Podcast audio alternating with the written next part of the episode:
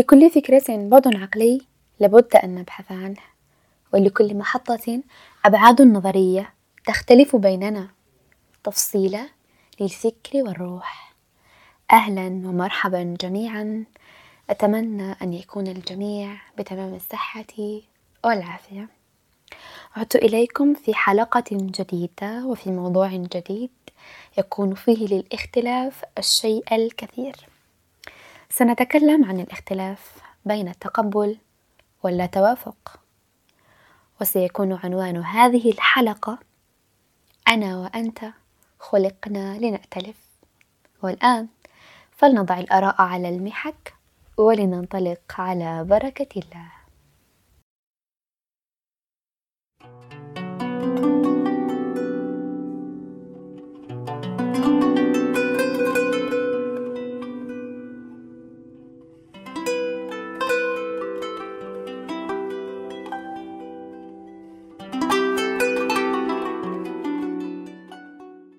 يقول عز وجل في كتابه بعد بسم الله الرحمن الرحيم ولو شاء الله لجعلكم أمة واحدة ولكن يضل من يشاء ويهدي من يشاء ولتسألن عما كنتم تعملون.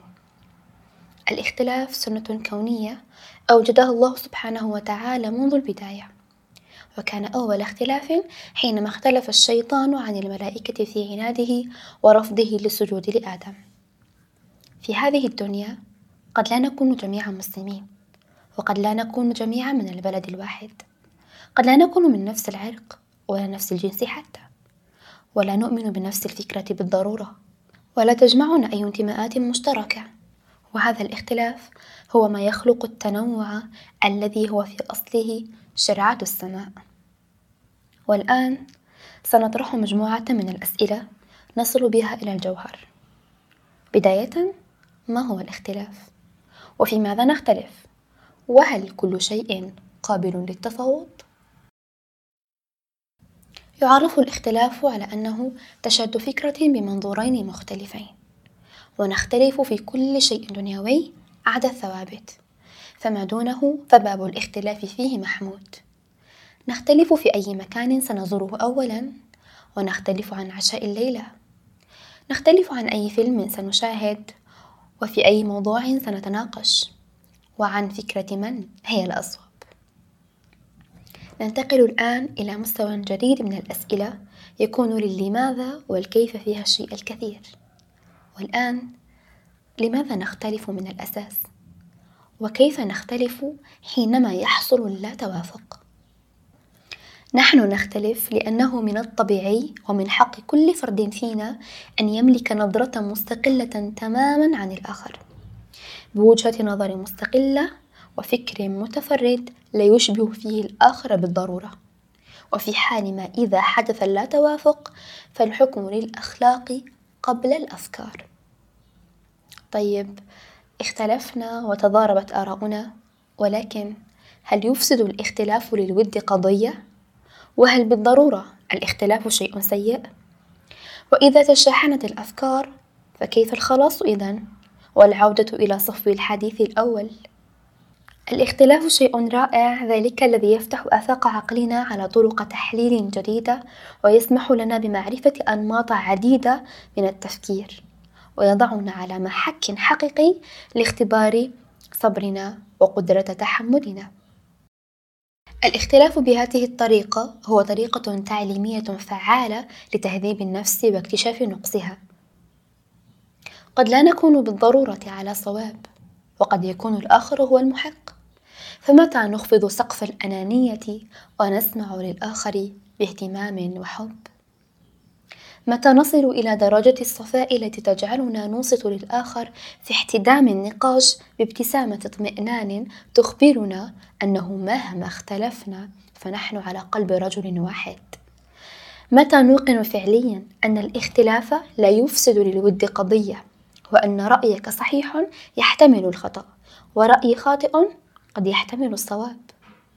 متى ما توصلنا إلى هذه الدرجة من التقبل وفهم الآخر ككيان وفكر ونظام شعوري فنحن ما زلنا على قيد الإنسانية أحياء. كل اختلاف قد لا ينتهي بالضرورة بإقناع أو سوء تفاهم. قد يكون الحل وسط بينهما. وقد يجعلنا الاختلاف أشخاصا منفتحين على العالم متحليين بآداب الحوار واللا توافق. متفقين أنه لا شيء يعلو على الود وأن كل منا صائب ولكن ربما في فكرة أخرى. دعونا نحافظ على روح التقبل التي تجعلنا نكتشف ذواتنا من الآخر بخفض صوت الأنا المدوي ونوصت بوعي ومنطقية فيما يقوله الآخر. قد يكون اللا توافق سببا لكسب ما هو أكبر لكسب ذواتنا مثلا. والآن نصل إلى المستوى الأخير من التساؤلات وأحتاج منكم أن تسألوا ذواتكم بها هل نختلف فقط من أجل أن نختلف؟ وما غايتنا من الاختلاف إذا؟ وكل هذه الأسئلة تحتاج إجاباتكم مع أنفسكم فاجلسوا وأجيبوا عليها أود إخباركم في نهاية هذه الحلقة أننا بخير حينما نعرف أنه لا أحد يشبهنا وأن التفرد شيء جميل جدا وأن الاختلاف أداة تطويرية للأنا ولطريقة التفكير ولتهذيب النقائص. وكلما اختلفنا كلما كنا بخير لأنه كلما كان هناك اختلاف كان هناك تنوع وبالتأكيد يكون هناك تجديد. فالاختلاف يجعلنا أشخاصا متجددين مفعمين بالحب والحياة. وهو عنصر مهم من عناصر الاستمرارية والوجود للفرد البشري. وهو ينبئنا دائما بأننا أحياء وبأن داخلنا روح تكره الرتابة وتمل الصور المتطابقة. لا تنسى أنا وأنت خلقنا لنأتلف.